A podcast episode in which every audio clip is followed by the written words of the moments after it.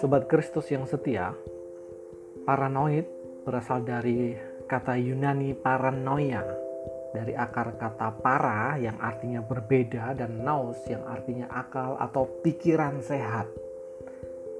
Nah, paranoid adalah sebuah proses berpikir yang cenderung dipengaruhi oleh kecemasan dan ketakutan berlebih. Mereka yang tergolong dalam kategori paranoid mempercayai secara delusional bahwa terdapat konspirasi jahat yang mengancam diri, sehingga kerap kali tidak dapat begitu saja percaya dengan orang lain, serta memandang segala peristiwa secara intensional, artinya diarahkan atau ditujukan untuk diriku, bahkan untuk peristiwa yang terjadi secara kebetulan sekalipun.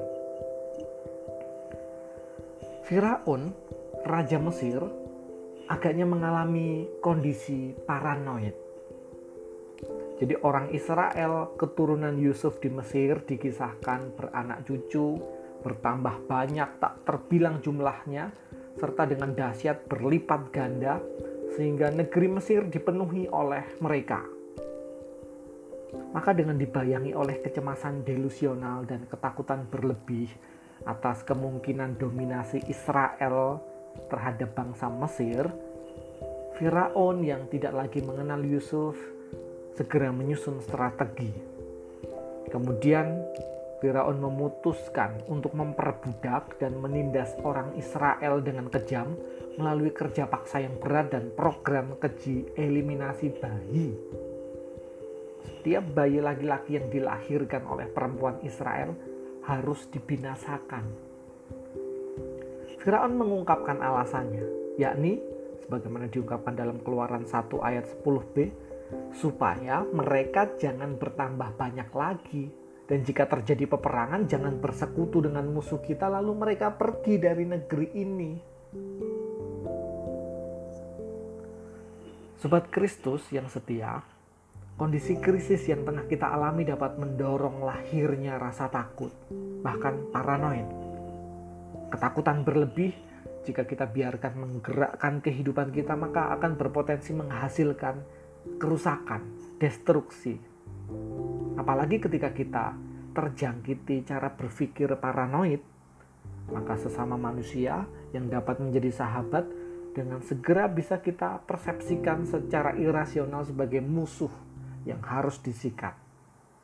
Dan dalam situasi semacam ini bukan jembatan yang kita bangun, bukan jembatan, melainkan tembok pemisah. Maka mari melawan mengcounter rasa takut itu dengan mendekat dan mengarahkan diri kepada Allah Bapa Sang Sahabat yang menjadi sumber ketenangan. Sebab sebagaimana Sang Pemasmur, hanya dekat Allah saja aku tenang. Mazmur 62 ayat 2. Amin. Mari kita bersama berdoa. Tuhan di tengah kondisi yang tidak mudah terkait dengan wabah yang dimungkinkan oleh COVID-19, terkadang kami dapat terjerumus dalam ketakutan berlebih. Maka saat ini Tuhan kami memohon, kiranya kami dimampukan untuk lepas dari belenggu ketakutan dan kecemasan berlebih dengan terus mengarahkan diri kepada Allah Bapa Sang Sahabat yang menjadi sumber ketenangan. Sebab hanya dekat dengan Allah saja kami tenang.